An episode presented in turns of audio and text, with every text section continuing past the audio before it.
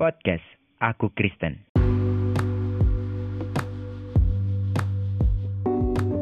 Ada yang mau diberkati dua kali lipat di sini? Yuk, mari menderita.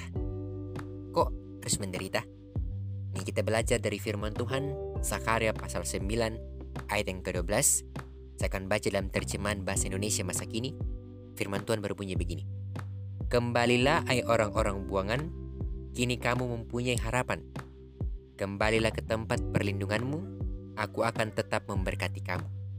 Dengarlah, dua kali lipat kamu akan kuberkati karena segala penderitaan yang telah kamu alami.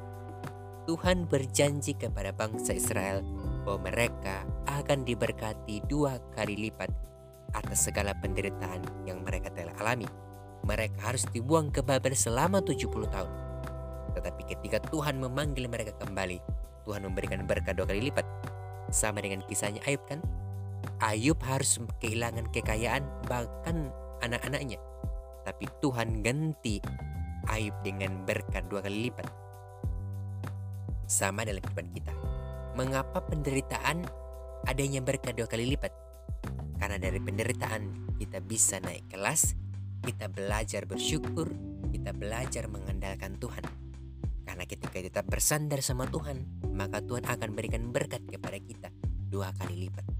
Karena penderitaan mengajarkan kita untuk berserah, untuk mensyukuri segala apa yang Tuhan izinkan terjadi dalam kehidupan kita.